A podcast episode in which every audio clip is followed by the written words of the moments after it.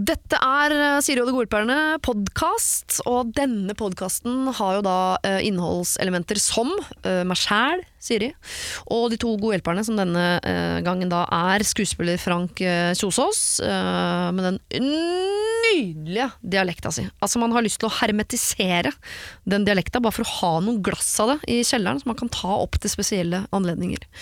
Så har vi også med oss artist Lise Karlsnes, som jeg har lyst til å, sy- Nå høres jeg kanskje litt sånn nattsvermeren gæren ut, men jeg har lyst til å sy små, nydelige vesker av huden hennes. Fordi Fin hud. Så det er, det er bare derfor. Det er, det er kanskje et kompliment, men det er også bitte litt makabert. Jeg ville aldri funnet på å si det til Lise, så vi får bare krysse fingra for at ikke hun hører på denne podkasten. De er altså helgens gode uh, hjelpere, og eh, Lise har en tendens til å si at man skal først og fremst eh, tenke på seg selv, hva du ønsker og hva du vil, og det er jo veldig deilig å høre. Det er jo det man vil høre, rett og slett. Og så hender det en gang eller to eller ti i løpet av denne podkasten at vi sklir litt utpå. Litt grann utpå. Litt ned i kofferten og opp igjen, og litt ut på sidelinja og tilbake igjen. Det beklager jeg for på forhånd. Og så husk, på slutten av denne podkasten så får vi et problem fra eh, Vita Wanda, som var her forrige gang, som da eh, Frank og Lise må løse.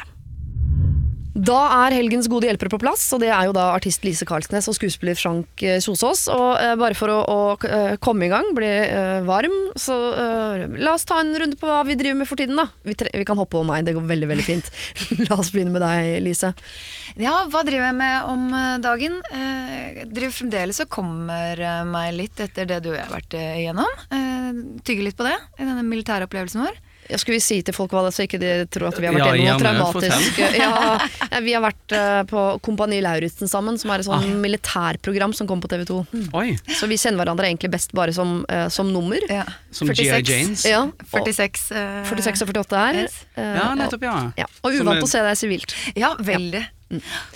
Men Nei, Så du sliter med å komme deg fra det fortsatt? Ja, nei, jeg bare, ble liksom påminnet det nå når jeg møtte deg igjen. Da, og så alle disse gode, gode tinga. Og det er jo rart med hvordan tid leger alle sår. Husker jo ikke hvor jævlig det var. Nå var det bare 'Å, det var gøy, og det var gøy, og det var gøy'. Nei, så, Litt som et forhold. Litt som et forhold. Ja, man glemmer, eh, glemmer det som var kjipt. Eh, Nei, det, og så er jeg jo eh, godt i gang med siste året mitt på psykoterapistudiet også. Ja. Så holder på med det, og så har jeg litt fri før det braker løs igjen i januar. Så det var meg. Ja. I ja, for i januar så har du forestilling Hva heter den forestillingen? Eh, en, det er sånn en hyllest til Beatles. Ja. Hvem er du? Ringo? Eh, Hvem er jeg? Ringo. Eh, jeg tror ikke det kan eh, bør sies. Å nei! Nei, hvem som er hvem, egentlig. Nei, okay, fordi du ikke vet det, eller er det er flaut? Eller? Det kan bli flaut. Det kan bli For de andre. andre. Ja. ja. Ok, dette må jeg se, merker jeg. Eh, Frank Kjosås, hva med deg? Du er vel også aktør med en eller annen forestilling? Ja, en, la oss kalle det en slags starten på en psykoterapiøvelse. Det er rett og slett å spille Gud på Chat Noir. Ja. Så jeg driver og pugger tekst til den, eh, fordi jeg har jo tatt eh, permisjon fra Det Norske Teatret etter 300 forestillinger med The Book of Mormon. Deilig med en pause, eller? Eh, litt, ja, Ja. faktisk. Ja. Men litt deilig å komme ut og prøve frilanslivet før jeg fyller 40, som er to år til. Ja. Så- 40 er gøy. Lise Karlsen fylte jo 40 den uken I går, her. ja. Sant? Det syns jo ikke I går! Ja, da- Er ikke det deilig? Det er fantastisk. Jeg gleder meg. Nei, så um, Jeg skulle ønske jeg hadde mer å si enn at jeg sitter og pugger tekst. Men jeg har pusset opp, det har jeg gjort, Ja. etter jeg har fått litt fri. ja, Så du har mer fri generelt til å bare eh, Ja. gjøre forskjellige ting? Dette er første gangen jeg er på et slags intervju der jeg har fri. Det er sjelden vare. Hvordan pugger du tekst, egentlig? Oi, eh, da eh, leser jeg, Ja. og så later jeg som om jeg står på scenen, og så prøver jeg å sy sammen noen situasjoner som jeg mener passer til Gud, egentlig. Og så lærer jeg meg disse fem sangene som jeg skal synge. Men er du frank når du eh, øver, eller går du allerede nå inn i rolle? Nei, altså, det som er greia er at Gud tar bolig i min kropp, Ja. så jeg får lov å være så frekk som Gud kan være. Ja. Og det tror jeg er ganske frekt. Eh, så da er jeg meg sjøl, så jeg må bare finne ut hvordan jeg skal trives på en scene som jeg aldri har stått på, som er Chat Så Så da driver jeg og leter, prøver jeg meg litt fram i et rom, da. Kjære Siri og de gode hjelperne. Jeg er en dame på 36 som har jobbet i mange år innenfor barnevernet. I fjor turte jeg endelig å hoppe av for å begynne å studere min store lidenskap, arkitektur. Oi. Kjæresten min, barna, øvrig familie, ja alle rundt meg har vært veldig rause og tålmodige med meg og satt ting på vent for at jeg skal få studere og dermed ikke kan bidra i noe stor grad økonomisk osv. Nå er jeg halvveis i første året, tre år totalt. Men jeg jobber jo noe ved siden av da. Altså, det er ikke et 100% studie. Men jeg trives ikke. Det var ikke sånn jeg trodde det skulle være, så nå er jeg helt fortvila. Jeg har jo drømt om dette siden jeg var 20, men den drømmen har jo vært feil. Fader, kanskje jeg egentlig bare vil drikke te og bla i interiørblader. Men kan jeg hoppe av? Da skuffer jeg jo alle. Men så, da, om jeg fullfører, så kanskje jeg ender opp med en jobb jeg faktisk liker enda mindre enn den jeg hadde før jeg bytta beite. Og når det er sagt, så øh, jeg orker jeg gå tilbake til min gamle jobb, altså. Jeg er god på den. Uh, men her føler jeg meg middels modig. Altså det hun, eh, hun har en jobb hun kan gå tilbake til, men nå hadde hun jo hoppet av da, for å studere det hun egentlig ville drive med, men så liker hun det ikke. Hm. Hva gjør man da? Jeg vet hva, Først og fremst så tenker jeg at uh, å leve livet sitt for andre, det må jo være noe av det mest meningsløse. Egentlig.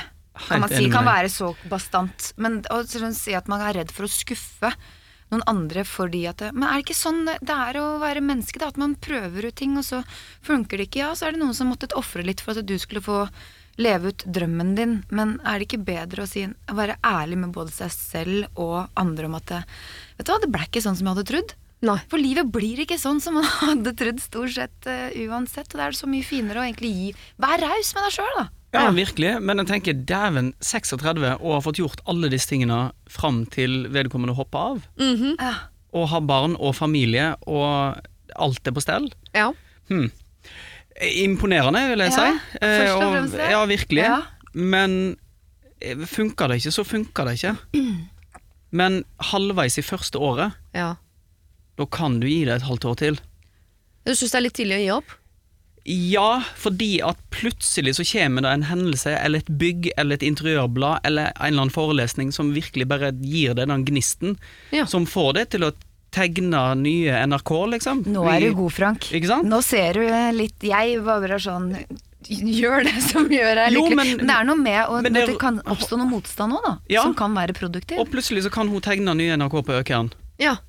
eller et eller annet bygg, eller noe som Eller holdt på å si tegne en tegning for den del, men et eller annet som, som gir deg en uh, ny giv, da. Ja, for det må jo være et eller annet der som har gjort at hun har drømt om dette i mange år. Det er jo noe der hun liker. Jeg tenker, ok, Ja. Så har du drømt om å bli kirurg, for du ser for deg at du står inne i det rommet, og det piper, og det er blod og skalpeller og sånn.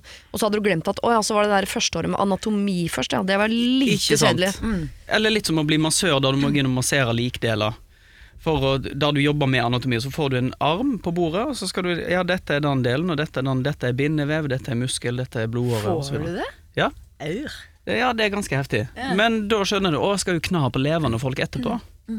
Altså, Nå sporer jeg av helt her. Det, uh, gjelder dette de som skal bli sånn ordentlige kiropraktorer og sånn, eller er det når jeg drar på spa og det står en sånn eh, nydelig 19 år gammel uh, pike med velformede bryn som uh, fipler med Velformede bryn, Ja, ja, det har de alltid. Og som fipler med korsryggen min, liksom. Har Ja. hun massert lik? Nei, jeg tror ikke det. Jeg tror Nei. dette er de som går inn i en slags medisinsk Fysioterapi. Ja, okay. fysioterapeuter og Ja, sånn. ok. Ja, da skal jeg spore meg på igjen, for det, jeg var bare veldig nysgjerrig på akkurat det. Eh, men Så du mener da, Frank, at hun skal ta et halvt år til, i tilfelle det dukker opp noe i dette studiet som gjør at, hun, Ja, at dette fall. kanskje holdt, er drømmen? Jeg har holdt på å si tyn da, i hvert fall til 2020. Ja. Eh, og hvis du i 14. februar 2020 finner ut at nei, dette her går ikke, så bare gir du deg. Og da går du videre til det som du Da kan du sette deg ned og bla i interiørblad. Men er det eh, Jeg vet ikke om hun har delt det her med noen. For det, altså, på det du sier, så høres det ut som at hun syns det her er altså, Nå skal ikke jeg legge ord i munnen på henne, men liksom flaut. Da, at det hun trodde var eh, eh, drømmen og løsninga, og endelig skulle hun eh, som sette seg sjøl i forsetet. Ja. Eh, kanskje det kan være litt fint å snakke med folk?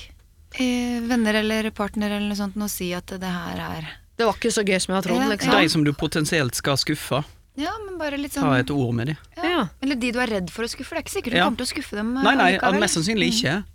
Nei, for Dette vet vi jo ikke, men jeg bare, det hender jo noen ganger at det er sånn folk som har uh, veldig mange drømmer hele tiden. Det er nye drømmer hele tiden. Og så var det interiør den ene dagen, og så var det noe annet den andre dagen. Og du mister jo eh, Jeg tror hvis man hopper av nå, så kan man miste litt troverdighet. sånn at hvis hun da, når hun er 38, så har hun kanskje sånn Jeg har alltid drømt om å bli hundefrisør, jeg.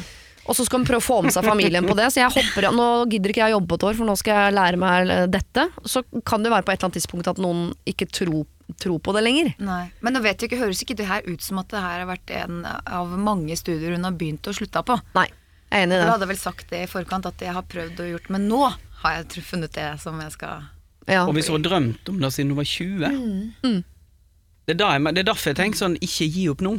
Hvis du er halvveis i første året, og det er tre år, da tåler du et halvt år til før du sier stopp. Det er litt sånn interessant. Hva er det som kanskje ikke lever opp til forventningene av hva Kanskje hun var kje- veldig kjedelig foreleser. Ja, ikke sant? Kan jo være det òg. Ja. Ja, ellers så ser jeg for meg sånn, for Man gleder seg jo til å nettopp tegne det nye NRK-bygget på Økeren, og Mm. så må du innom sånn uh, lære deg komplementærfarger først. Altså så bare sånn uh, Herregud, så kjedelig. rom og Ja. Eller tegne Narvesen på Grorud, liksom. Ja, ja, ja, man må innom der. Ja. Det, er- dette er grunnen til Jeg trodde jeg ville bli marinbiolog, for jeg så for meg at jeg skulle bare svømme rundt i verden med delfiner. Og så skjønte jeg at å ja, nei, jeg skal stå på Økeren og øh, analysere ferskvannsprøver av Sognsvann, liksom. Det er jo Ja. ja. Jeg drømte om å bli advokat fordi jeg så på Lov og rett i LA. Ikke sant. Begynte å studere, eller begynte å studere, tok rettslære på videregående og fant ut at dette er jo helt feil. Ja. Jeg har lyst til å være han skuespilleren som spiller spiller. advokaten som har sluttinnlegget. Ja, det skjønner jeg veldig godt. Det er noe helt annet. Ok, så hold ut et halvt år til helst, Uh, med mindre du blir deprimert da, liksom. Men vær eh, ærlig med de du er redd for å skuffe hele veien. Si at dette var ikke akkurat sånn som jeg hadde Ja. sett for meg. Og så se om det er noe som dukker opp underveis der. Plutselig er det et eller annet som dukker opp som du syns er veldig gøy, og så kan du koble deg på drømmen din igjen.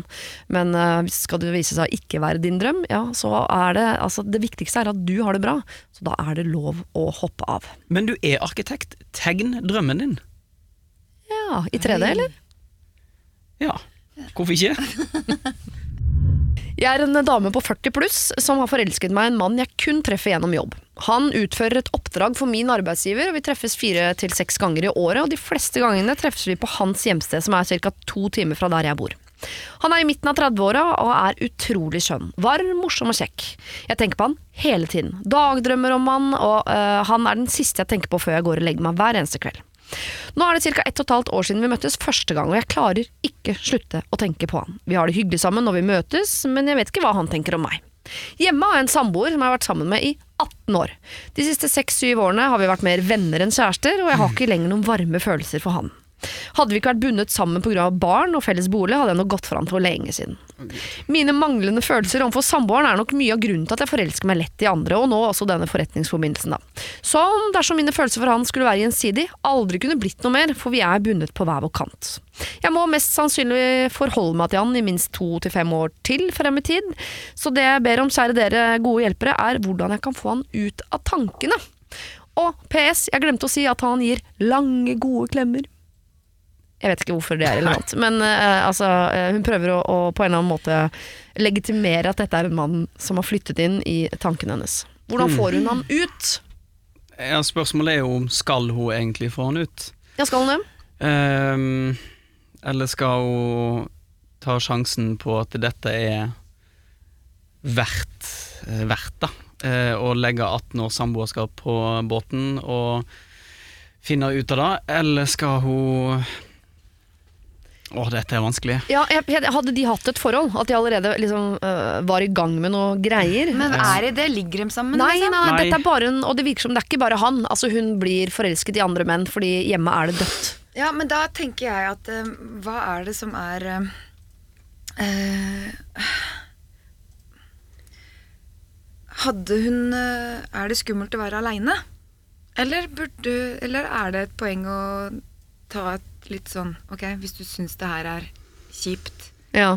Uh, og litt sånn ta litt sånn uh, stokk. Hva er det jeg trenger i livet mitt? Hva er det som gjør meg lykkelig? Blir jeg en bedre mor for barna mine? Blir jeg en bedre samarbeidspartner for uh, Jeg vet ikke om det var gift eller samboere eller Emosjonell vareopptelling, rett og slett.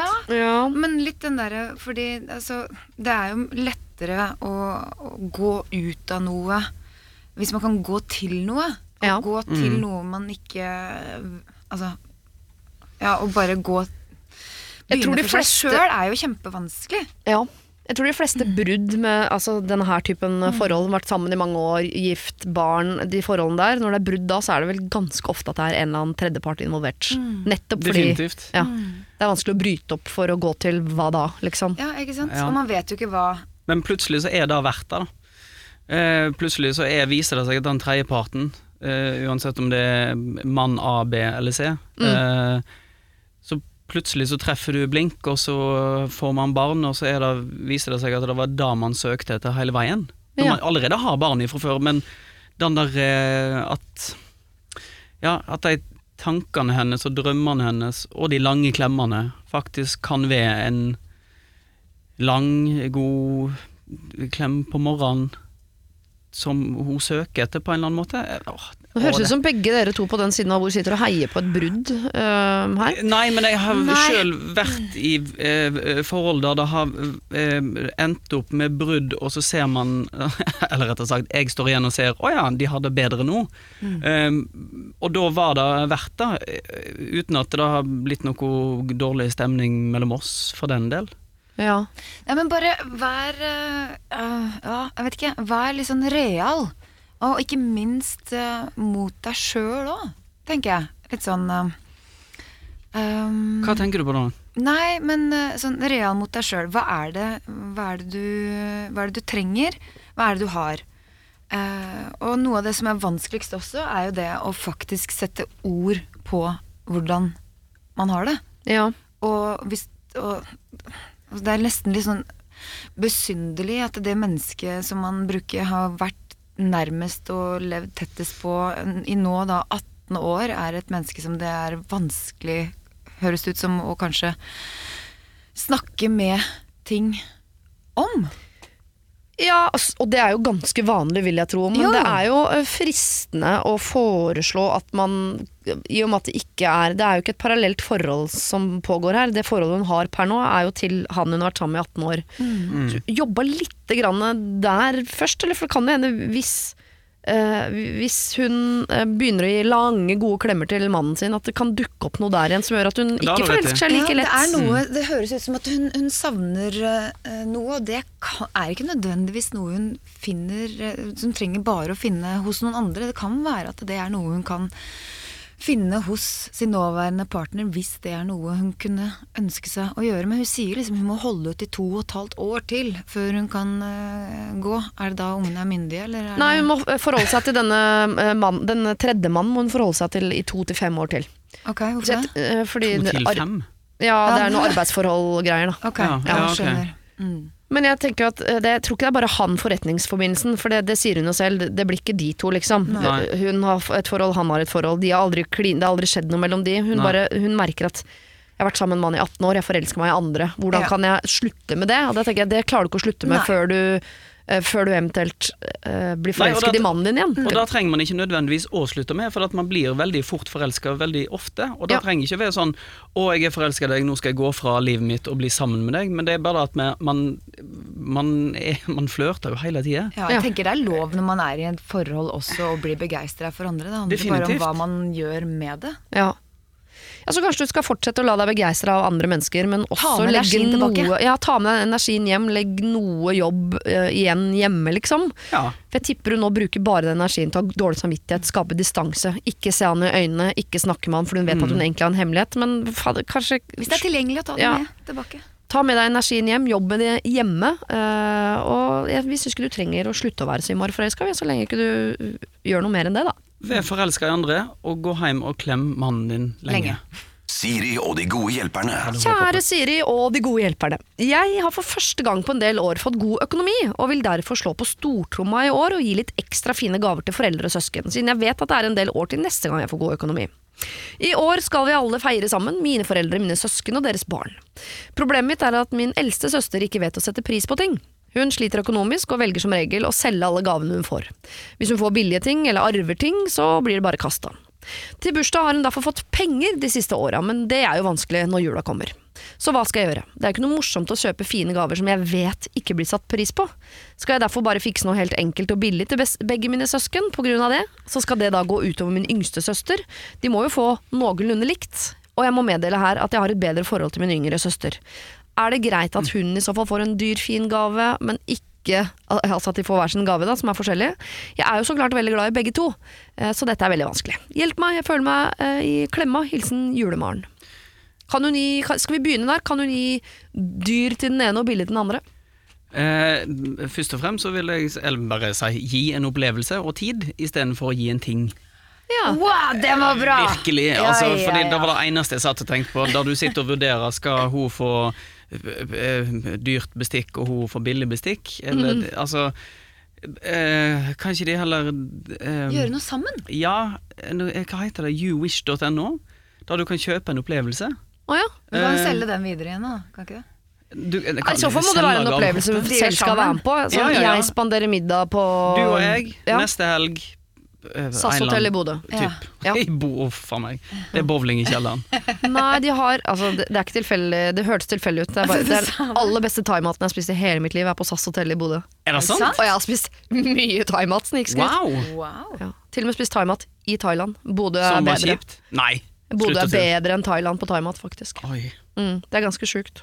Jeg er ikke sponsa. Da Sponsa Bodø generelt. Det er en slags T-skjorte. Bodø er bedre enn Thailand. Men jeg er enig i at eh, opplevelse kan være en Men det høres ut som julemorgen her ikke er så fysen på å Ja. oppleve noe sammen Nei. si. Kan man kjøpe Bare ta en ja-nei-runde på det. Kan man kjøpe eh, dyrt til den ene søsteren og billig til den andre? Men hva, er, hva er, er, det, Er det liksom 3000 kroner på den ene og 300 kroner på den andre? Ja, det er det. Ikke sant? Ok. Er det lov? Det er klart det er Eh, lov, alt er jo men det er litt Jeg vet ikke hvilket ord jeg leter etter. Ja, men det er bare litt leit. Ja, det er det. Fordi at det, man veit at det blir et tema. Ja. Fordi uansett hvordan man vrir og vender på det, så blir alle mennesker som barn når det er jul. Og så- så man blir sånn 'Å, kjempefin kopp! Kjempefin!' Mm, Drittkjerring. Um, Og jeg fikk plastikkbestikk. Hun Ja. fikk eh, porselen. Men samtidig så er det sånn, ok, hvis hun sier at du, hun eldste søsteren da, eller hvem, den ene søsteren har dårligere råd, og hun vet at hun selger det for å få eh, bedre råd, Ja. så er hun jo Altså, så tenker jeg at eh, ja, da er situasjonen hennes sånn, da. Og ja, så er det kjipt å gi gaver til folk som kanskje ikke setter pris på det på den måten du skulle ønske at de satte pris på det. Mm. Men samtidig så gjør hun, setter hun pris på det på sin måte i at hun faktisk får penger, så hun får råd til noe annet som hun kanskje jeg tror, trenger, jeg, jeg tror Ja. egentlig at hun søstera skulle ønske at hun kunne sette pris på det på en annen måte. Ja, enn å faktisk sette en fysisk pris på det og selge det. Ja, ja. det Eh. Men det er jo hennes situasjon Nå hun er i den situasjonen der hun mest sannsynlig må selge alt, da. ja. ja. Virker det som. Jeg bare tenker, ja, øh, og jeg tenker, jeg syns, det er rart. Jeg tenker mye på de gavegreiene, både rundt øh, jul og bursdager og alt. Jeg syns gaver er litt vanskelig. Slutt med gaver, da. Ja, det hadde antakeligvis vært det beste. Men fordi noen ganger så syns jeg det virker som om gaven på et eller annet tidspunkt bytter fokus til å handle om den som gir mer enn den som får. At den julegaven her Det er jo øh, Ja. Maren som har problemer med at at den gaven blir byttet. Hun som fikk gaven, som jo den gaven egentlig handler om, hun har jo ikke noe problem med at hun bytter den inn i noe annet. Nei. Så da blir det, for jeg synes Noen ganger så får jeg gaver hvor jeg syns det følger med den gaven en slags sånn forpliktelse til å En forventning om at du skal eh, Forventninger er det verste vi har. ja, det, altså, det er verste er at Jeg har allerede konfrontert min mor med at hun gir veldig dårlige uh, julegaver. Ja. hun er klar over det, at jeg sitter ikke og alter henne på radio. ja. Noe mer enn jeg har gjort tidligere på TV. Men uh, hun, også føl- hun følger alltid opp med sånn ja, hvor mye bruker du den da? Når hadde du den ja, sist? sånn, ja. sånn, å, herre, Ja. Jeg føler at jeg uh, pakker om en slags jobb for Ja. framtida. Sånn, å ja, dette Ja. må jeg passe på. Og, Dette må stå fram når hun kommer på besøk. Ja! Mm. Og da blir jeg litt sånn trassig, så da pakker jeg det jo selvfølgelig bort med en gang. Ja. Ja. Jeg bare tenker at ju- Maren her, ved å kjøpe noe dyrt til den ene og noe billig til den annen, så gjør, kan hun i hvert fall være sikker på at hun gjør den eh, forholdet til den ene søsteren dårligere enn det Ja, var. hun gjør seg selv en bjørnetjeneste Ja. ved å gi forskjellig gave. Jeg ville sagt som Lisa, bare slutt, ikke gi gave til de to. Gi til alle andre, men ikke til de to. Og så sier du det får ikke jeg gave. Ja, hvorfor får vi ikke gave? Fordi du selger det, og jeg skjønner ikke hvordan jeg skal gi gaver til deg, og ikke til deg. Det var veldig ærlig, da, faktisk. Ja, kan jo prøve i hvert fall. Ja, Eller bare si du, jeg har ikke råd. ja. Men i år har hun lyst til å gi dyre gaver, da. for Men da har- gjør jeg det. Gi dyrt, da. Og så er Gi det dyrt til begge. Ja. Gi dyrt til begge. Men skal hun da gi noe som den ene søsteren kan bytte, sånn at hun får finansiert sin vanskelige Nei, jeg mener gi opplevelse til begge to. Ja. Ta med deg begge søstrene dine og prøv å gjøre dette forholdet likeverdig. Det kan Ja. være fint, da. Ja. Gjør noe gøy sammen. Og hvis hun har veldig behov for å fortelle den ene søsteren at hun er, jeg setter ekstra pris på deg, så kan hun gjøre noe ekstra med henne en annen gang. Det trenger jo ikke å være jul. Kan gi en sånn Ja, jeg har kjøpt en vinterferiegave til deg. Ja. Ja. Eller mandagsgave. Ja. Ok. Julemorgen, her er vi veldig konkrete. Dette er det mest konkrete vi har eh, sagt så langt. Du skal ikke kjøpe billig til den ene og dyrt til den andre. Mm. Da skaper du bare større avstand mellom dere. Det er ikke noe hyggelig for noen. Eh, Husk at den gaven handler jo om eh, hvem som får, og ikke hvem som gir, egentlig. Så at eh, den ene søsteren din bytter inn i ting hun trenger, det får nesten bare være greit. Men vil du unngå det, så har vi jo en perfekt løsning her, som Frank, den kom du med veldig tidlig. Kjøp en opplevelse. Og gjerne en opplevelse du er med på selv, så ikke hun kan bytte den inn i noe. Kanskje Ja, noe dere kan gjøre sammen alle tre. Ja. Ja. Restaurantbesøk, eller vindtunnel, eller ja. et eller annet. Sportsbil på bane. Sportsbil på bane. Noe sånt. Gokart! Ja. Woo! Gokart. Eller hvis du har så utrolig dårlig, eh, god råd, så kjøp en Bodø. oval Viken til Bodø. med forestilling i Stormen kulturhus og rett på Teire Det er restaurant etterpå. så fint kulturhus også. Ja, det er fantastisk. Ja, ok, jeg er sponsa av Bodø. Jeg glemmer det. Siri og de gode hjelperne.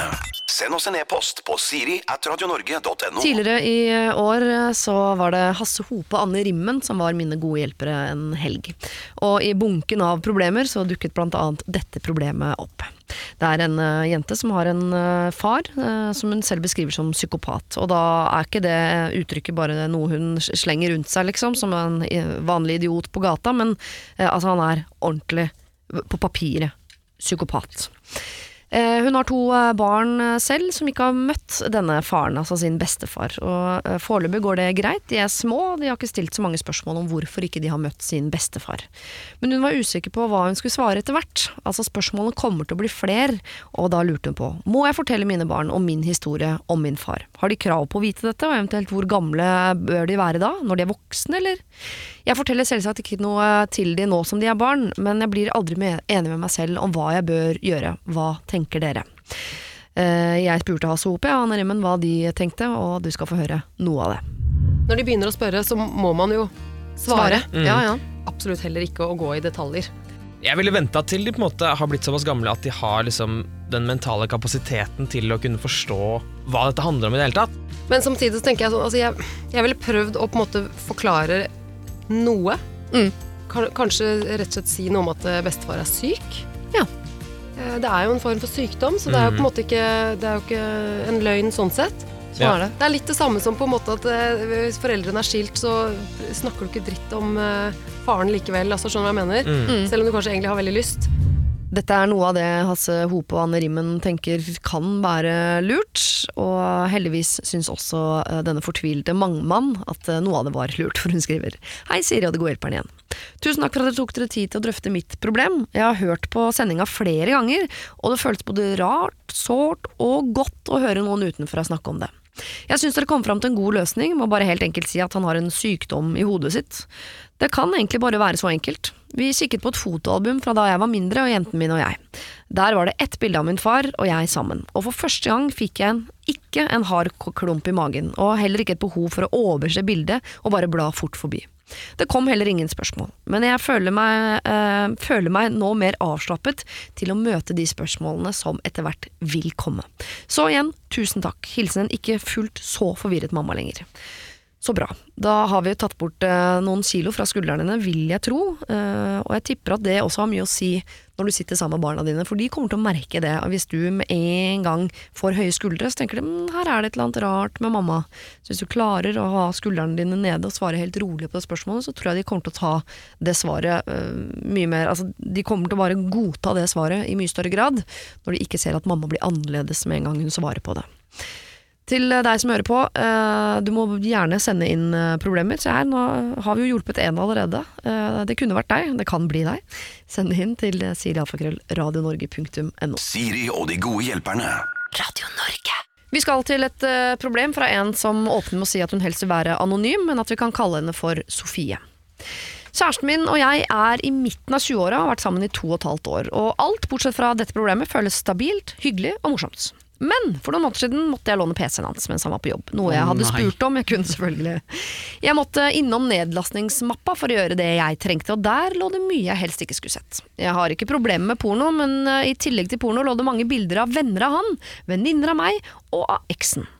Jeg sa til han, altså eksen hans Jeg sa til han at jeg hadde sett det. Han eh, fant først på en dårlig forklaring, eh, før han kom tilbake, ba om unnskyldning og sa at jo, han brukte disse bildene også som porno. Og ingen av jentene vet at han har lastet ned bildene. Etter dette har han vært flau, men relativt åpen for å snakke om det. Og han har forsikret meg om at dette ikke, det, at dette ikke har noe med uh, å gjøre uh, med meg, og at uh, han ikke skal gjøre det igjen. Jeg har prøvd å legge det bak meg disse månedene, men jeg fortsetter å stange på de samme følelsene. Det går løs på selvtilliten min at han er tiltrukket av sine venner, eksen sin og ikke minst, minst av mine venner. Så det jeg trenger er at dere tenker høyt om dette. Er det naturlig å ha seksuelle fantasier på lik linje med porno om dette, eller er det, sånn som jeg føler da, annerledes når det gjelder jenter man kjenner? Har jeg rett til å føle meg dårlig, eller må jeg bare kaste dette over skulderen og gå videre? Jeg sliter med å tro på han når han sier at han vil holde seg til vanlig porno, porno herfra ut. Sorry. Altså, jeg skjønner følelsen, sånn, hun blir ikke kvitt disse bildene. De har svidd seg fast. Jeg håper han har kvitta seg med Ja. de bildene. Ja, det Men åssen har jeg. dere fått tak i en, altså, på, nakenbilder, eller er det liksom klassebilder av venninne? Eller, men hva, hva, hva slags bilder er det snakk om, liksom? Og så tenker jeg Sikkert sånn eh, fra Syden og hun og venninnene. Sånn Bikinibilder da, ikke sant? som er ment som bare sånn 'se, vi koser oss i Syden', som han tenker sånn 'ja, se, de koser seg i Syden'. Ja, men samtidig så tenker jeg at det man Man tenner jo på det man tenner på. ja, Um, Folk tenner jo på de rareste ting, ja. men uh, Men hadde det ikke vært lettere hvis det var rare ting? Det var sånn 'Å, du tenner på um, asiatiske tegninger av dyr'. Ok, det er sjukt, der kan ikke jeg stille opp med noen ting. Så er det sånn 'Å ja, du tenner på venninnen min som er helt lik meg, bare at hun har mørkt hår', egentlig. ja.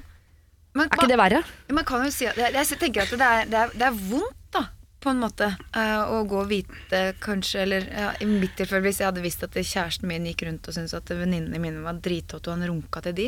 Ja.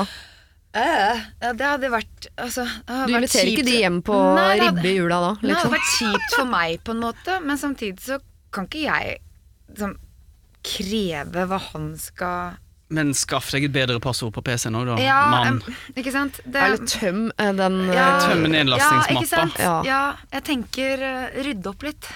Altså, det er ikke alt alle trenger å Men jeg er enig at vi, vi, kan ikke, vi kan ikke tvinge eller forandre han i forhold til hva han tenner på. Eh, eh, og selvfølgelig nå har han sikkert byttet passord og blitt flinkere på det greiene der. eh, men Flinkere, det er fælt å si.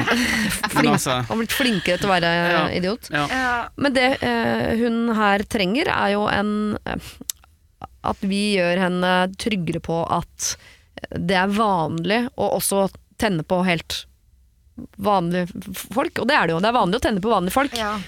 Men er det vanlig å, å tenne på venninnene til kjæresten sin, eksempel? Jeg vet ikke. Holdt på å si, da tror jeg både, Man er nok tiltrukket av både venner og venninner av kjæresten sin, mm. mest sannsynlig, men jeg syns ikke det er greit eh, å ha bilder av de som du onanerer til, liksom. Og Nei. blir tent av når kjæresten din sitter ved siden av, og så sitter du på PC-en og går inn på nedlasting mappa bare mm, og tenker at dette er digg. Da syns jeg er veldig merkelig.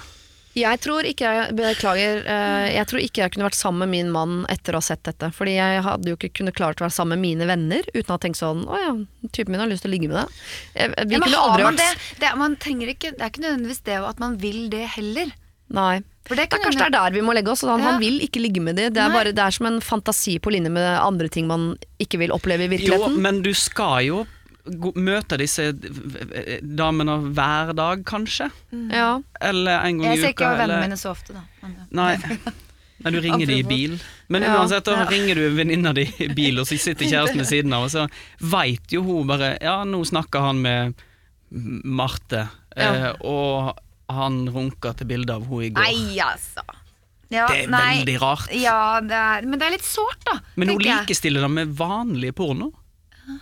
Skrev Nei, hun sa at hun ikke har noe problem med, med porno. problem sånn, med porno. Men fordi det som er eh, på en måte eh, deilig med porno, er at avstanden er så stor. At det er sånn, Dette er jo ikke tilgjengelig for deg. Altså, Kos deg med hva- du nå vil på fritida, men det, det, kom, det kommer jo aldri til å skje i virkeligheten. Når det plutselig er eh, Marte i 4B, Ja. det, det kan skje i virkeligheten. Ja. Så det er jo det man blir jo sjalu og tenker sånn Men han- Kommer du til å gjøre det på ordentlig noen gang? Og når?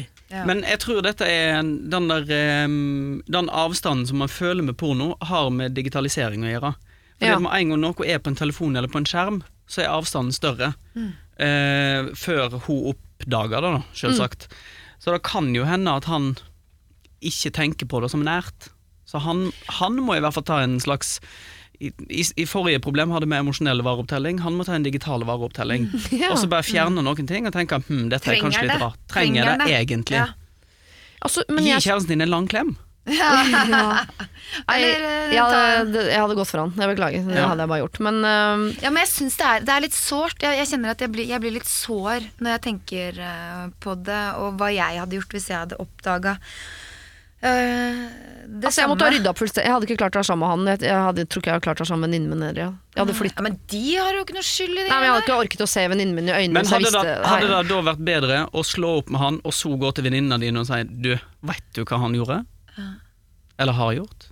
Ja, kanskje man gjør det mindre en- mindre en- farlig hvis man uh, kan le av det sammen. Sånn Charlotte, skal jeg fortelle deg noe gøy? Ja, På onsdag så runka fra, uh, Nå kaller jeg ham også Frank. Yes! Takk skal du ha. Frank til de bildene vi tok i Hellas i 99, Ja. liksom. Ja. Jeg var faktisk i Hellas i 99. Yes. Alle var det. Alle var det. Nei, men samtidig, og så er det ellers er det det som er det vanskeligste av alt, og er jo faktisk det å sette ord på ting, eh, og vise eller si, sette ord på hvor vanskelig man syns det er overfor partneren sin. Men hun har jo gjort det. Ja, heldigvis har jo de snakket om det. Det syns jeg jo er øh, Ja. Ja, men kanskje ikke altså, Nok. nok. da, i og med at det fremdeles er eh, Ah, Nei, dette, eh, nå, er jeg, nå føler jeg at vi gjør det verre. enn- Vi gjør det, for vi gjør her det. virker Ja. det som vi nesten er mindre rause enn det Sofie har vært. Det hun spør om er er det naturlig seksuelle fantasier på linje med porno. Ja eller nei? Nei. nei. eh, Jeg jeg fulgte ikke med. Lise! er dette naturlige seksuelle fantasier på lik linje med porno? Ja eller nei? Nei. Ingen her syns at dette er naturlige seksuelle fantasier på linje med porno, Sofie. Beklager. Da, eh, Hvis du hadde gjort sagt eh, kun seksuelle fantasier, ja. Så hadde jeg sagt ja. Ja. Men når, Ja. du, når du likestiller det med porno, nei. Nei. Da har vi gjort det vi ikke skal her i Siri og de gårdperne. Vi har faktisk gjort problemet verre enn det allerede var. Det beklager jeg, Sofie, men her syns vi eh, Jeg syns nesten typen din har sluppet litt billig unna. Dette her må dere ta flere runder på. eh, Og hvordan du skal få vasket netthinna di eh, rein for disse bildene, det, eh, det jeg aner ikke. Aner ikke. Jeg hadde gått for han. Siri og de gode hjelperne. Jeg har en kone som stadig irriterer seg over at jeg ikke tar initiativ. Dette gjelder ferier, fest og mindre ting som planer i helga. Så i år så har jeg fått i oppgave å arrangere noe i løpet av romjulen. Eh, Det er en oppgave, men det føles mer som en test, så nå har jeg valget. Skal jeg klinke til og blåse hatten av henne med mitt fantastiske arrangement, og dermed sikkert få dette ansvaret igjen? Eller skal jeg levere under pari, og dermed antagelig slippe å noensinne måtte arrangere noe igjen? For hun har rett, jeg er ingen arrangør, men jeg stiller alltid opp. Jeg er med og fikser ting, jeg orger, jeg spøker og ler. Jeg bare liker ikke å arrangere, og det gjør jo hun. Og jeg kan banne på at hun kommer til å blande seg i absolutt alt uansett. Hva syns dere? Her, dette er et klassisk par dere med, hvor det er en som liker å planlegge og en som ikke gjør det. Og så innimellom når den som planlegger er lei, så blir det sånn Du ja! Kan ikke du planlegge noe? Ehm, eh, Oi. Skal han blåse hatten av henne? Eller skal han levere under paret? Det er heller ikke så lurt, da. Nei, for at jeg, jeg vil heller blåse hatten av henne og si dette var det jeg fikk til, please la meg slippe, for jeg hater å arrangere. La oss heller samarbeide om det, hvis vi må. Men hvis han leverer under pari, Mm. så blir forventningene større, tror jeg. jeg tror, hvis, hvis han topper det nå, Ja. og sier 'nå tok jeg ut alt jeg hadde', Det fins Eh, ikke et arrangement til, i meg. Eh, Han, han, det er, altså, dette var det jeg hadde. Mm. Men hvis du leverer under pari, så er det sånn Ja, men dette gikk jo bra. Nå kan du gjøre det igjen. Bedre. Men hvis han gjør liksom Ja, men Hvis hun blir flau liksom, han, og, og lager noen greier, og det er noe juleparty, og så Men jeg skjønner ikke helt hvilket arrangement han skal lage. Nei, det skjønner jeg ikke jeg heller. Men er det juleselskap, eller hva Er det en det? overraskelse til henne, eller er det for venner, eller hvem er det for? Jeg tror jeg tipper det har fått litt blanke ark. jeg. Ja, men til, hva, til når? eh, I romjula. Ja. Så nå skal vi ha, invitere noen venner over på romjulsmiddag. Mm. Hvor mye arrangering er det som Det er noe mat? Det er en SMS til en gjeng med Ja. venner. Ja, men det er det Si 'kom hit', Ja, så har du arrangert. En Facebook-gruppe. Ja. Hvem kan komme? Ja. Eh, Det er under paret, vil jeg påstå. Ja, og så kan han gjøre sånn knytelag. Når alle tar med litt rester av julemat. Ja. Og så kan Ja. vi ha Han kan lage resteparty! Det kan egentlig være litt Restefest gøy. er jo helt topp. I romjula. Uten at kjerringa di veit det. Kona di, unnskyld. Ja. Jeg liker kjerringer. Ja, jeg Ja, går liker kjerringer. ja. Jeg syns det er Det betyr jo egentlig alt i kringene er sært. Ja. Ja, ikke sant? Ja. Men eh, Takk for i dag. Ha det bra. Takk for meg. Ja, Lag en pyntepynt av det. Da. Eh, Nei, jeg veit ikke, jeg. Men eh, altså, vær, vær nå ærlig og si at uh, dette syns ikke jeg er noe gøy. Men hvis du skal arrangere noe, så hjelper jeg. Løfter og bærer og bygger og, og holder på, men jeg er ikke i det kreative. Ja, nå trodde jeg at du stilte det frivillig og sa 'jeg blir med hvis Ja. du arrangerer'. Lise Lise. Karlsnes blir med på festen din. Da blir det i hvert fall ikke under paret. Det kan jeg love. Jeg er jo trassig av natur. Det er min grunnmur i min personlighet. Eh, så her ville jeg gått all in, på en måte. Og så hadde jeg sørget for å gjøre det så dyrt at jeg tenkte sånn, det der, altså jeg hadde booka Carpe Diem, liksom. Ja. Ja, det er da- jeg, det er da jeg tenker da, hvis du, hvis du blåser vekk alt nå, hvis du er ruinerer familieøkonomien på Ja. dette arrangementet, Ja. så skjønner kona at men dette her går jo ikke dette, hvis det er sånn det skal være hvert år. Mm. -hmm. Aleine eventbyrå! Ja, ja. Ta, Så slipp Forbrukslån og kjøre alt i grøfta. Ja. Og, Og si at konferansier Petter Pilgaard. Ja. Og den store finalen er jeg har kjøpt eh, eksplosiver. De skal, de skal sprenge huset på slutten. Nei, men du, nå er vi ikke, nå er vi ikke så hjelpsomme. Ja. Uh, nei. Jo. Trass i Sa jeg natur. at jeg var trassig? Jeg vet. Men nei, jeg veit ikke. Altså, jeg skjønner at det er eh, men man, kan, man blir jo ikke noen man ikke er, men man vil ikke hjelpe til. Men samtidig, hvis han blåser fletta av det, så tenker hun at ja, men dette kan han jo. Dette kan han gjøre igjen. Ja, men fordi jeg tipper at Hvis det er hun som er glad i å planlegge, og det viser seg at plutselig han er god, så tipper jeg hun tenker sånn Nå mister jo jeg min det, Dette går ikke. Ja, og så Dette er jo mitt igjen. domene. Ja. Så jeg, jeg ville vært sneaky og sagt sånn Åh, jeg, nå driver jeg og tenker på sånn øh, Skal jeg kjøre white party, eller øh, skal jeg kjøre um, trafikklysfest? Øh, hva skal jeg gjøre? At han ber henne om råd, sånn at hun kan tenke sitte på sånn er sånn jeg lyst på, jeg har lyst på trafikklysfest. Er Bare for å finne ut hva det er for da tror jeg ikke du vet hva det er. Nei. Da kler man seg i uh, rødt hvis man er åpen for da, Åh! nei, nei, da er man opptatt. Da, man ikke, da er det en full stopp. Okay. Grønt er du med på alt som er gøy den kvelden. Gul er mer sånn kanskje, vi får se. Hard to get. Men er det sånn swingersparty? Det kan det sikkert brukes som også, okay. men det er i utgangspunktet ment okay. som sånn stryk Ja. det jeg sa. Ja. eh, det, Ikke arranger det. Eller kanskje det er det du skal gjøre på her, Ja. Jeg bare faen, skjønte ingenting. Det er jo løsningen. han. Han arrangerer et swingersparty i rommet. ja, Det er jo løsningen. det er løsningen! Julebukk fikk et helt annet uh, en helt annen betydning. Vi skal ha pulebord. Ja, Ja, det Rett og det det slett pulebord. Pulebukk. Det er en veldig god idé. Da kommer han aldri til å få arrangere noe igjen. Ja, det er sant. Da har jeg invitert alle de deiligste damene jeg vet om, og partnerne deres. Ja, og han duden med porno på maskinen. Han kommer med kamera, da. Og det er jo eh, verken liksom eh, et fantastisk arrangement eller under paret. Det er bare, det er, det er bare feil. Det er helt feil. Det er feil arrangement. Ja. Ja, det tror jeg vi går for. Jeg, jeg beklager. Jeg tror vi går for det. Du eh, arrangerer selvfølgelig et swingersparty i romjulen. Da føler vi oss ganske trygge på at du enten A oppdager en ny side ved kona di, Ja. eller at du aldri noensinne igjen får lov til å arrangere noe som helst. Lykke til. Jeg er en jente på 32 år, vært gift med samme mann i 17 år, og for snart fire år siden så ble jeg sjarmert av en kompis av oss, og det endte med forelskelse og langvarig utroskap fra min side. Jeg følte meg sett og elsket. Etter to år så jeg hva jeg var i ferd med å miste hjemme. Vi har barn, og jeg ønsket ikke å risikere en skilsmisse. Jeg har ikke fortalt ham noe mer enn at jeg har eh, følelser for kompisen, og dette tok mannen min svært tungt. Han brøt med kompisen. Jeg har prøvd å bryte kontakt med kompisen jeg òg, men vi bor i samme bygd, og han tar det utrolig tungt hver gang jeg sier at vi må slutte å skrive med hverandre. Altså hver gang hun da prøver seg på et brudd. Han mener at vi er sjelevenner, osv. Jeg ønsker ikke å, leve om ikke vi har kontakt, kan han si. Vi møter Oi. ikke hverandre lenger, vi har kun skriftlig kommunikasjon, eh, noe som er vanskelig pga. mye sjalusi fra hans side. Men hva gjør jeg? Jeg ønsker også å ha kontakt, for vi prater så godt sammen. Hilsen frustrerte Klara. Altså. Vet du hva, jeg må bare si at eh, jeg, helt til å begynne med der, så begynte jeg med et mattestykke. Oh, ja. og så jeg forsvant litt. Eh, 32 år gammel og har vært gift i 17 år. Enig, det høres rart ut. Det kan nok hende hun har prøvd å anonymisere seg selv noe, for at ikke mannen skal skjønne hvem det er. Ja, ok. Nei, for at eh, jeg, så jeg ble sittende med det mattestykket i huet litt. Ja, For det vil si at de giftet seg når hun var sø- 15. Det er vanskelig. Ja, så, da, jeg, så jeg mista litt av Ja. den der starten. Men det kan ennå ha vært sammen med samme mann i 17 år. At de Det traff hverandre da han var 15, og så var de gift de siste 10 eller 7. Eller, ikke sant? ja, ok. Eh, eh, hun har da hatt et forhold i to år med en kompis. Mannen vet ikke at de har hatt et forhold, annet enn at hun har vært uh, forelsket i han. Altså, så mannen, så mannen har fått vite at hun har vært forelska i kompisen hans, Men ikke at de har hatt et forhold. men så nå har han slutta å være kompis med kompisen pga. det. Ja.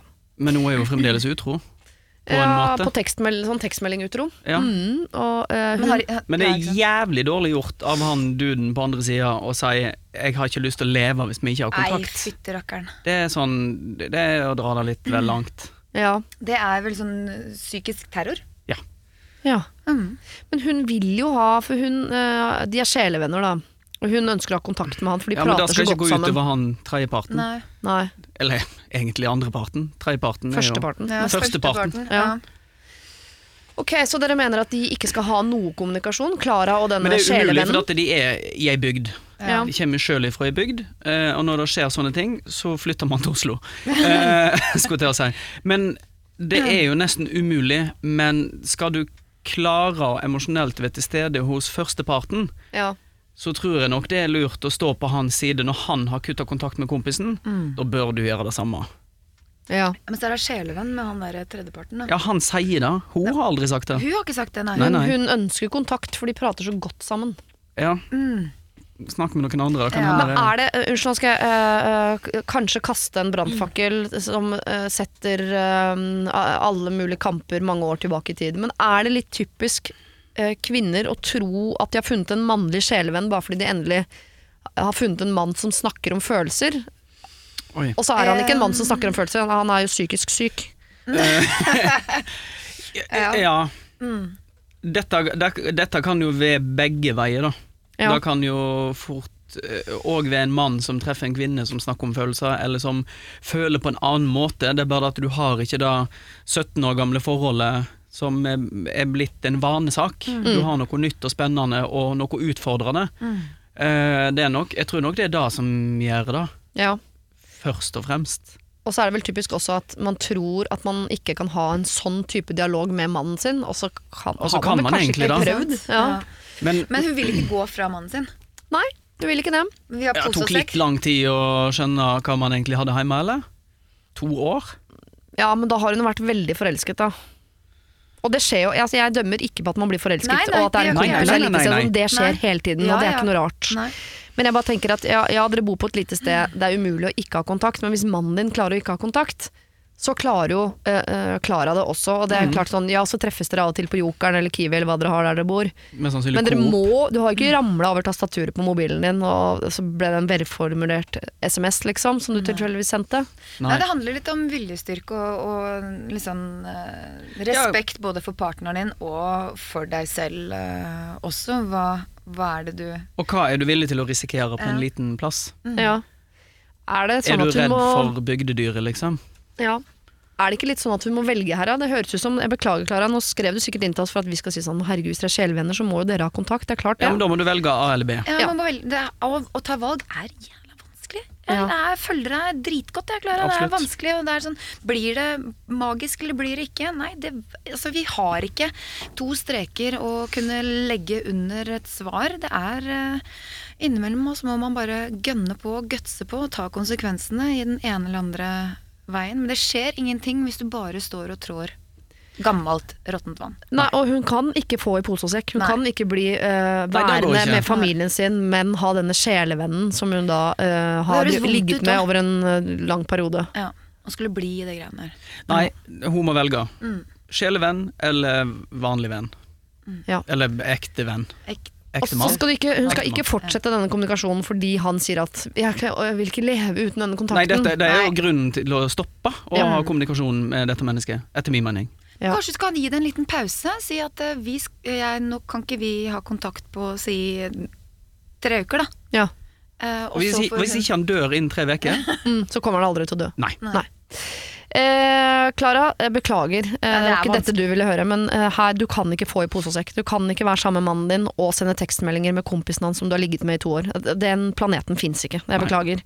Så enten så må du eh, gå av toget på den ene siden, der står mannen din og barna dine, eller så må du gå av toget på den andre siden. Eh, der står ikke de, men der står altså sjelevennen din og venter. Jeg skal hjem i julen, står det her. Hjem til mor og far. Sammen med min bror og hans familie, og min søster og hennes familie. Så er det meg, da. Bare meg. Jeg har familie jeg også, men eh, den julen her er det ekskona som har barna, og det er tungt. Men jeg skal ikke klage. Jeg har en fin storfamilie jeg skal reise hjem til. Det blir jul som alltid med gaver og unger og bikkjer og ribbe og surkål. Men blir det overnatting?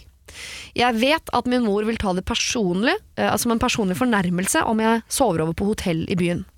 Men jeg liker å vite at jeg kan trekke meg tilbake dersom tristheten kommer over meg, eller jeg plutselig får lyst til å ikke være omringet av barnehyl når jeg først får muligheten. Min mor er allerede bekymret for at jeg er deprimert, så hun kommer ikke til å sove godt hvis jeg skal sove borte. Men skal jeg ta hensyn til henne eller til meg selv? Jeg vet hva du kommer til å svare her, eh, Lise. Jeg ser det på fjeset ditt. Så står det også her PS. I tillegg så er min lillesøster en litt sleip type. Hun benytter seg av enhver anledning til barnevakt. Så jeg ser vel egentlig for meg at det er jeg som må stå opp og være onkel klokken halv seks første juledag. Kan man reise hjem til jul? Hvis du hadde reist hjem, du sier at du er fra et lite sted, Frank. Ja. Du reiser hjem til jul, men skal bo på Hardangerfjord hotell. Ja. Mm. Eh, hvis jeg hadde valgt det, så hadde nok eh, familien min tenkt at det var rart, men de hadde sagt go for it. Ja. Eh, fordi jeg syns man skal ta hensyn til seg sjøl når man står midt oppi et sånt familieproblem, uansett om man er nyskilt eller deprimert eller hva som helst. Eh, så lenge man, man må jo ikke sove i samme hus. Og, og drit i det barnevaktgreiene. da- Det er hennes unger, ikke dine. Nei, men det er jo litt der forventningene. da. De har sikkert hatt en sånn jul hvor hvert eneste Men- år i 46 år så Legg- står du opp klokka sju og spiser eggerøre sammen. Ikke sant? Ja, absolutt, men Kan jeg ikke komme tilbake fra hotellet til frokost, da? Du trenger ikke å spise hotellfrokosten. Nei. Kan han bare sove der, og så kommer han og Kan han lage full, hva heter det for noe? Kremen til kakaoen første jule, da, han, sikkert. Ja. ja, for det er vel noe med kanskje i Det var ikke seksuell undertone. Nei, han fikk jo ikke det før nå heller. Så nå blir rest, alle disse rådene som kommer nå, med seksuell undertone. Med sånn hvis det er noe, noe sånt, så må vi vite om det. For da Ja. løser vi problemene på en annen måte. Ja, nei, nei, men altså jeg tenker hvor, øh, Ja, mor blir kanskje litt sår. Si til mor at øh, jeg skjønner at du blir sår. Har dette en seksuell undertone? Nei. Oi, oi, oi! Sorry. Nytt, neste problem, neste problem. Ja, jeg tror, Vi må ta en pause. La oss nullstille. Mm, ja. Nei, men Nå altså er vi der. eh, Si til mor at det, det her er det du har behov for. At du hjelper til Nei, men altså, faen heller. Jeg beklager. Jeg skal ta over sammen. For at det er Ja. jeg som eh, Det er, det er her det Ja, sant. Frank, du må Um, ta over, faktisk. Åh. Em, nei, altså Jeg har sjøl opplevd at et familiemedlem har sagt I år har jeg lyst til å feire jul alene. Eh, og jeg har tenkt å, så forferdelig. Eh, dette går ikke. Vi har jo lyst til at alle skal være samla. Men eh, så har jeg tenkt at hvis det er det du vil, så lykke til. Da Ja. får du bare gjøre det. Lykke til! Lykke til, liksom. ja. Nei, men altså, da, da kan det hende at man vil ha en liten familiepause av og til. Kanskje man har lyst til å dra til et annet land når det er jul. Når han, hvis han er, jeg skjønner ikke, men er han nyskilt? Har han behov for å ikke være rundt barn og familie? Det virker i hvert fall ganske, uh, ganske nytt, ja. uh, i og med at dette er liksom den Første julen jula han ikke Ja, Ja, ikke antageligvis sant? første jula uten barn. Da. Da er det stikk av til et sted. Gjør noe som du har lyst til. Men det høres ikke ut som at det er behovet hans. Han vil jo gjerne reise ikke- hjem og feire med, med familie. Men han hadde ikke lyst til å sove hjemme. Nei, han hadde ikke lyst til å sove over uh, der. Nei. For at hvis han kjente at ting ble liksom overveldende eller sårt, så hadde han behov for å kunne trekke seg uh, tilbake og ja. Det kan jo hende han ikke engang har eh, tenkt tanken på at det er lov å stikke til et annet land hvis han allerede har en mor som blir lei seg over at han bor på et hotell i nærheten. Så det kan jo hende det er det han skal. At den Ja. jula her så skal du bare gjøre noe Helt helt, annet. annet. Ikke Ja. bare en blek kopi av det du pleier å gjøre, liksom. Nei, enten dra til et annet land, eller ha sånn frivillig jul. Ja. Og se på de som har det enda verre enn deg, Mm. rett og slett. Og Men hjelpe noen på en eller annen Ja. måte.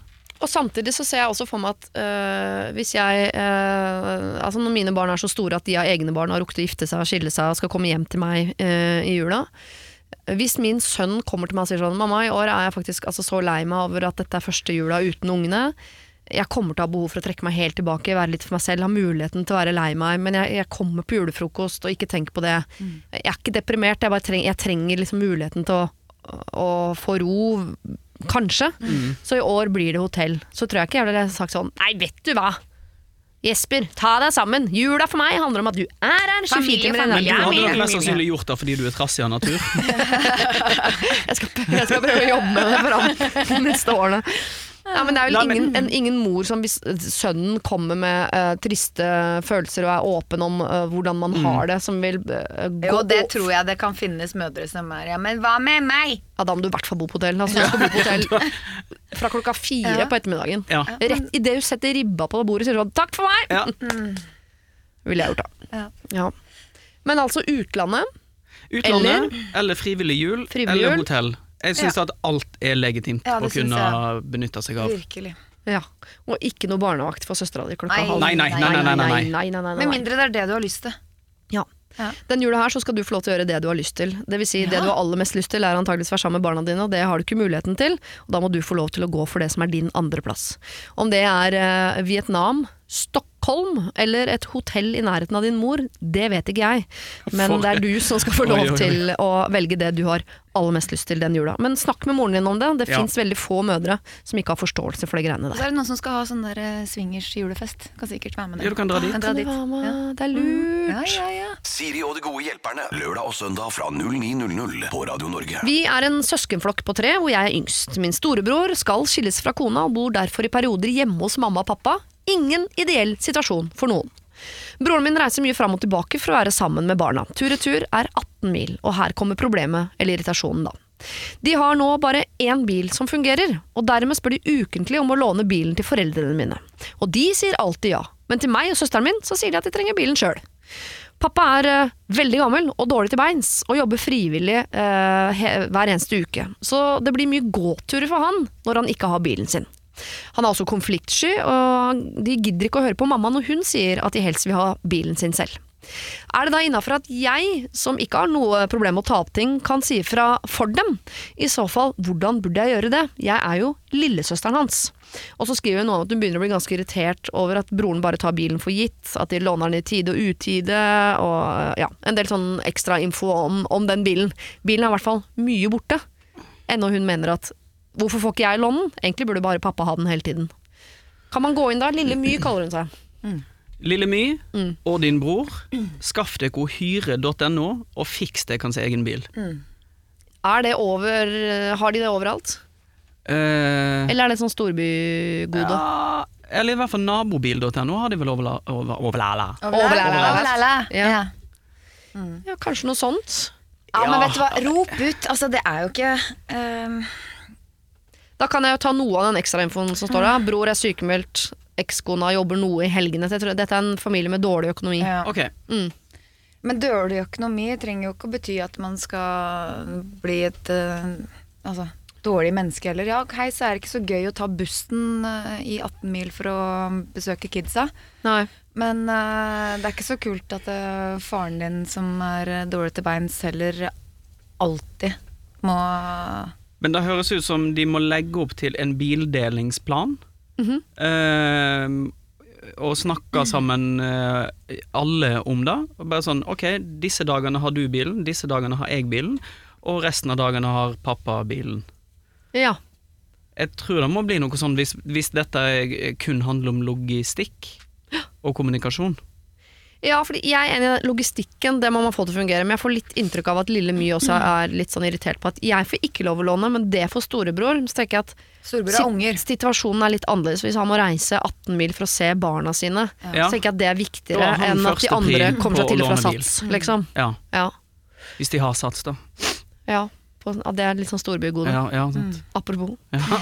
Eh, men kan Lille My ta det opp, eller er det eh, egentlig Altså, det hun spør om er, kan jeg ta opp noe som foreldrene mine burde ta opp, men de tør ikke? Absolutt. Ja, men Vet hun at ikke de tør det, eller har hun bare tenkt at de ikke tør det, siden ikke de sier noe? Jeg tipper at hun vet at både mor og far er irriterte, men de sier allikevel ja hver gang sønnen spør om å få låne bilen. Har hun snakka med mor og far om er det greit at eh, vi snakker om det her? Kanskje hun skal gå til de først? Ja Det, det å anta Ja. at hun vet hva de tenker, er kanskje heller ikke så veldig lurt. Nei, og heller ikke anta at far er konfliktsky før du har tatt det opp med han. Nei. Akkurat den situasjonen her, da. Ja, ja, ja. Altså, man, kan jo godt, man skjønner jo når folk er- konfliktsky eller ikke, men at man kan gå og si ok, hva skjer her? Mm. Vi må legge opp til en plan. For jeg òg har lyst til å låne bilen, høres det ut som. For hvis det er det, at du også vil låne bilen, så tenker jeg Det er ikke det så raust. vent litt. Ja. Kan du bare vente litt, liksom? liksom? Ja. Og resten av det er jo ikke et problem som har noe med lille mye å gjøre i det hele tatt. Nei, det er det er litt sånn, jeg, jeg må innrømme at jeg noen gang kan bli litt sånn irritert på folk som står på utsiden av et problem, men fordi de ikke er konfliktsky, så tenker de at de skal gå inn og hjelpe. Men samtidig Mm. så kan det også være at hun føler at Sånn oss, foreldrene egentlig. blir Ja, ikke sant? Men at hun føler at foreldrene blir utnytta av Ja. denne storebroren, Ja. som har flytta hjem og tatt over uh, stua. Han har vel ikke og- frivillig flytta hjem, eller? Nei, nei, men altså, Nei. det var tilgjengelig, og nå har Jeg vet ikke hvor lenge han har gjort det, men det hørte, jeg fikk en undertone av at det hadde liksom pågått over tid. Da. Ja. Og nå har han begynt å liksom bare ta for seg mer og mer, at hun blir frustrert på foreldrenes vegne, eller ja, jeg vet Ja. ikke. Eh, jeg, men jeg tenker også at dette er først og fremst et problem mellom bror og det som snart skal bli en ekskone. Men jeg tenker at de må løse. Og de er vel begge interessert i at barna skal se foreldrene sine så mye som mulig, både mor og far. Og de må finne en løsning som ikke er at far må bo hos sin far igjen. Mm. 18 eh, mil unna, liksom. Det syns jeg høres ut som en litt um, Ja, forhåpentligvis er det midlertidig, men jeg tenker at jeg ville begynt allerede der, da. Men det er kanskje Ja. vanskelig, det er lett å si. Er man sykemeldt, så er det ikke sånn at du kan bare gå inn på Finn og skaffe deg en leilighet, akkurat. nei. Mm. Men sett opp en plan, logistikkmessig, for En, hvem som har bilen når. En bildelingsplan tror jeg kan være lurt. Ja. Eh, bare sånn for å få logistikken unna veien. Ja. For å, gjøre, for å åpne veien til en eller annen form for kommunikasjon, så tror jeg dette problemet er løst kjapt. Og da kan vel lille mye gå inn at jeg heller, istedenfor å gå inn med sånn 'jeg vil også låne bilen', gå inn og si sånn 'vet du hva, jeg tenker kanskje dere burde ha en sånn plan for hvem som har bilen når. Jeg skal hjelpe dere å sette opp den. Vi er faktisk ganske gode i Excel. Aktig. Ja, for eksempel. det, liksom. For eksempel. Men òg tørre å innrømme at fordi av og til så jeg trenger bilen et par dager, jeg òg. Ja, Og derfor er det enklere hvis kunne også tenkt meg lånt bilen, Ja, hvis det hadde vært mulig. ja, bare da gjør du jo problemet egentlig større. Større, jeg veit. Ikke putt deg sjøl oppi. Ja, jeg vet ikke, kanskje hun også må kjøre langt for å Jeg ville gjort masse research, jeg ville satt opp et skjema. sagt sånn, Jeg har lagd et skjema Ja. uh, som gjør det lettere for dere. Jeg har også funnet ut av en del bussruter som er helt geniale. Da kan du sende mail på bussen, og det er helt topp. Og selge Mm, inn. Og bare komme med en løsning istedenfor å komme Vet du hva, jeg har eh, noe som gjør problemet ytterligere verre. Ja, Mm. ikke sant? Men det høres, eh, høres fint ut. Ja. Ja. Ja. Lillemyr, det er fint at du føler på ansvaret, at du har lyst til å ordne opp på vegne av uh, brødre og mødre og fedre og alt som er, og, og litt for deg sjøl. men flytt deg selv ut av det akkurat nå, og så går du inn med løsninger istedenfor å gå inn med flere problemer. Se om du kan hjelpe dem med en plan som gjør at alle får brukt bilen i hvert fall noe, og så vær tålmodig. Din bror kommer ikke til å bli boende der for bestandig, og akkurat nå så er det aller viktigste at han får lov til å fortsette å ha kontakt med sine barn. Forrige uke så hadde jeg jo besøk av eh, tvillingene Vita og Wanda, og i denne podkasten har vi en ny eh, greie som heter Problemstafetten. Eh, og i forrige episode så, eh, så var det da Vita og Wanda som hadde med et problem som jo denne ukens eh, hjelpere skal prøve å løse. Så dette er da eh, Wanda sitt problem, som jo egentlig er Vita sitt problem fra forrige uke, som eh, Frank og Lise skal få lov til å løse. Altså, jeg har et problem som går eh, Det er jo et problem som går utover meg pga. Vita. Og det er at jeg på ekte har begynt å bli bekymret for Vita når det kommer til eh, mannefronten. Fordi hun har vært singel så lenge? Ja, Eller er Vita har, har vært, år. Vita har vært urørt i et år. Hun har ikke hatt leppe mot leppe engang. Og da mener jeg munn. Hun har ikke kysset noen. Nei. Hun er kritisk til alt av mannfolk. Jeg har prøvd å gjøre alt jeg kan for at hun skal bli Altså Jeg vet ikke hvordan jeg skal sette henne opp med noen. Så hvordan skal vi finne en mann til Vita? Ja, Hvordan hun skal på en måte åpne opp øynene sine. Ja. Hun er, du er veldig kresen og veldig Jeg sær. dater ikke, eh, og jeg dømmer menn ut ifra navn som passer med mitt navn. Hun er veldig dømmende. Hun er sånn, hvis, Det kan være verdens kjekkeste fyr, så hvis han heter eh, Rolf, da går det ikke. Oh ja, vi er der, ja. Så det er, og da mener jeg at det er et ordentlig problem, fordi jeg merker noen ganger at Vita kanskje kunne trengt, trengt seg en mann.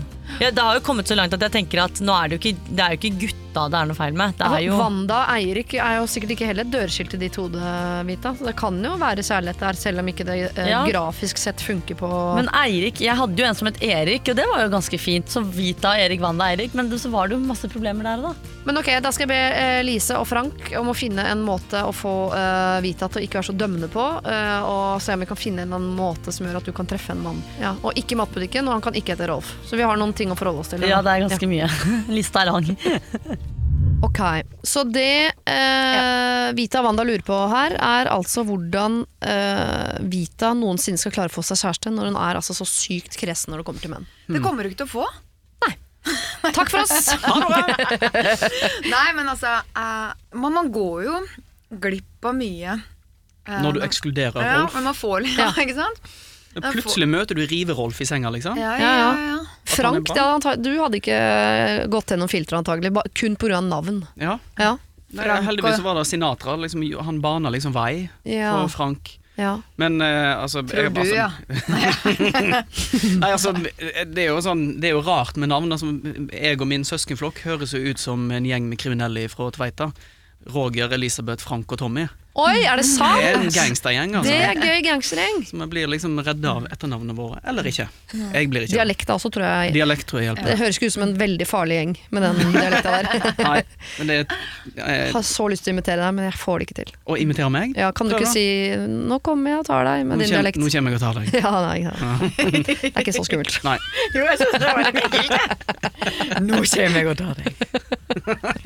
Nei, men, eh, ja, men jeg skjønner jo, man får jo hangups, og sånn er det jo. Og samtidig så Men man en får flere hangups hvis man eh, Hva heter det? Abstains? Altså hvis man forsvinner vekk ifra alle menn? Ja, og så blir det litt sånn Det blir også en unnskyldning for å ikke For det er litt skummelt også, da, å skulle gjøre seg sårbar og gå ut og, og møte noen igjen. Og da er det mye lettere å si nei, han het Rolf Sjekke, liksom. Ja, sant. Det er sant. Um, det er, litt sånn Handler kanskje ikke så mye om navnet, men mul muligheten til å kunne bli såra.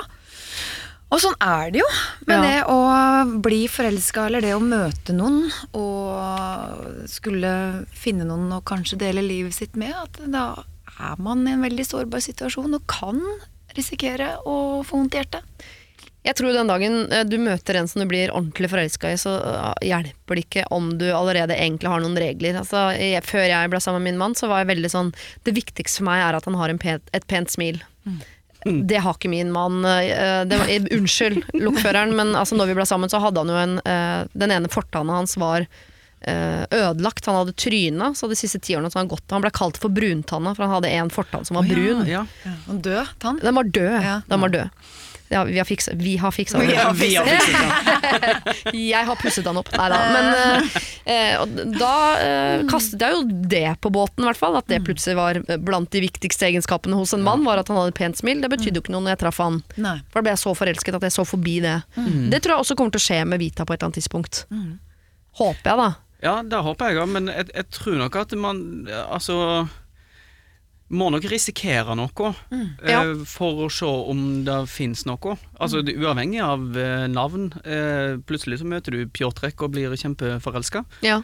Men eller Rolf, da, i hennes eh, Jeg håper det blir Rolf, jeg, faktisk. Ja, jeg også. En slags straff. Ja. Ja. Til hvem? Til Vita. Til Rolf. Først og fremst Rolf. Nei, men altså, jeg tror, jeg tror det er lett å gi seg selv mange eh, grunner til hvorfor eh, man ikke skal eh, Eller hvorfor man har ulike hangups, da. Ja. Uh, og jeg hadde jo bare sånn musikere med skinny jeans og skinnjakke en stund. Ja. Og det var ikke det jeg endte opp med. For å si det sånn.